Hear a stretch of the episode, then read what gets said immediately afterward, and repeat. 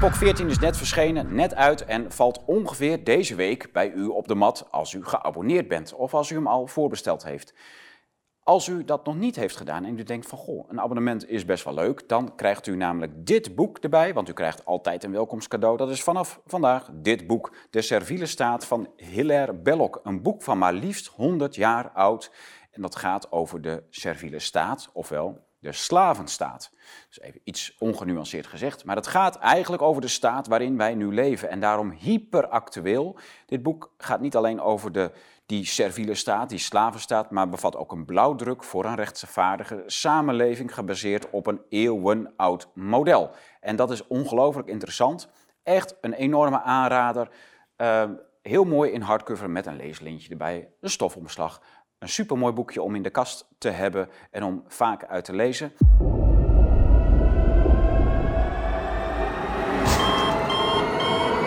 Van harte welkom bij Blue Tiger Studio. U kijkt naar een serie van een aantal mini-colleges van Peter Borger, de celbioloog ja, uit Nederland, woonachtig in Zuid-Duitsland.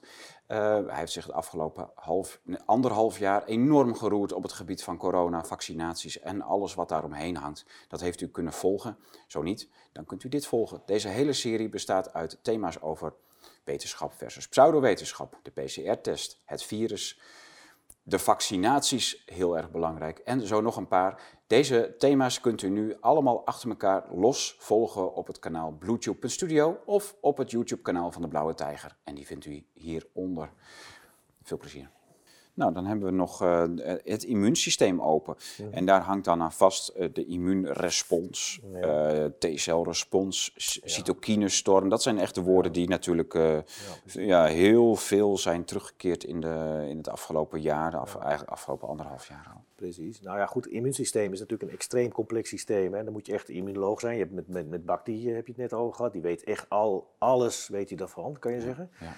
Ik ben vroeger zelf uh, ook uh, daarmee bezig geweest. Ik, ik ben gepromoveerd op een immunologisch onderwerp. Ik heb T-cellen bestudeerd, hoe T-cellen uh, in het immuunsysteem ge, ge, geïnvolveerd zijn, kan maar zeggen. En, ja. en hoe zij communiceren met andere immuuncellen. Ja. Dat was mijn, mijn promotieonderzoek. En ik weet dus wel iets van het immuunsysteem. Ik weet dat het extreem complex is. En ik weet ook dat het niet alleen maar een antilichaamrespons is die daar, inderdaad, die hè, want van, van belang is. Want van Bacti uh, hebben wij dus geleerd dat het immuunsysteem eigenlijk tweeledig is. Namelijk uh, een, een, een, respons die ja, maar ook een, een, er is ook een aangeboren respons, ja, ja, een aangeboren immuunsysteem. Dat is heel interessant. Je hebt een zogeheten innate, dat is het aangeboren systeem. En je hebt een adaptief, en dat past zich aan aan de indringen zelf. En die, en die kun je, aangeboren, maar die, die kun je temmen of trainen. Die kun je door het indringen, zeg maar, van, een, van, een, uh, van, een, van een virus of een bacterie, een, een, een vreemd, vreemd lichaam, zeg maar, in jouw bloedbaan of in jouw, in jouw uh, lichaam,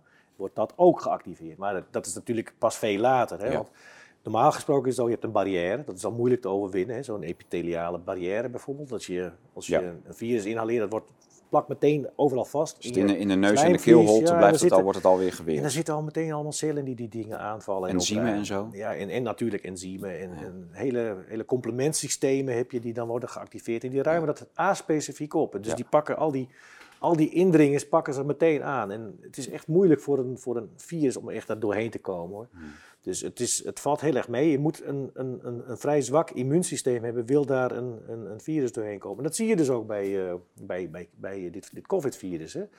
Heel veel mensen met een verzwakt uh, immuunsysteem of met, met, met heel veel uh, comorbiditeiten, dus ziekteverschijnselen al, die zijn extra gevoelig voor deze virussen. Okay. En waarom is dat zo? Omdat je laag op laag op laag op laag uh, defensie hebt om die virussen tegen te werken. Zo. En dat zijn zes, zeven lagen of zo. Zijn en dat uiteindelijk kunnen ze, als ze daar doorheen komen, hè, dan krijg je nog eens een keer de antilichaamrespons. Dat is een hele late respons is dat.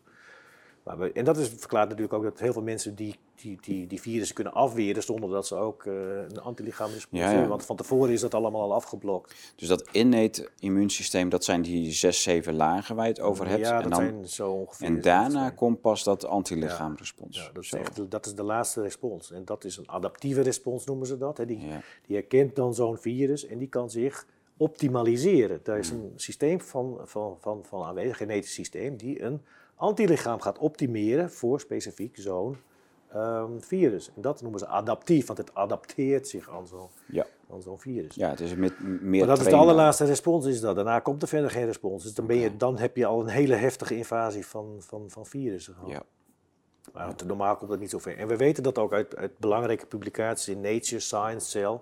Dat heel veel mensen die waren, die hadden al deze, deze zeg maar aangeboren immuunrespons tegen het virus.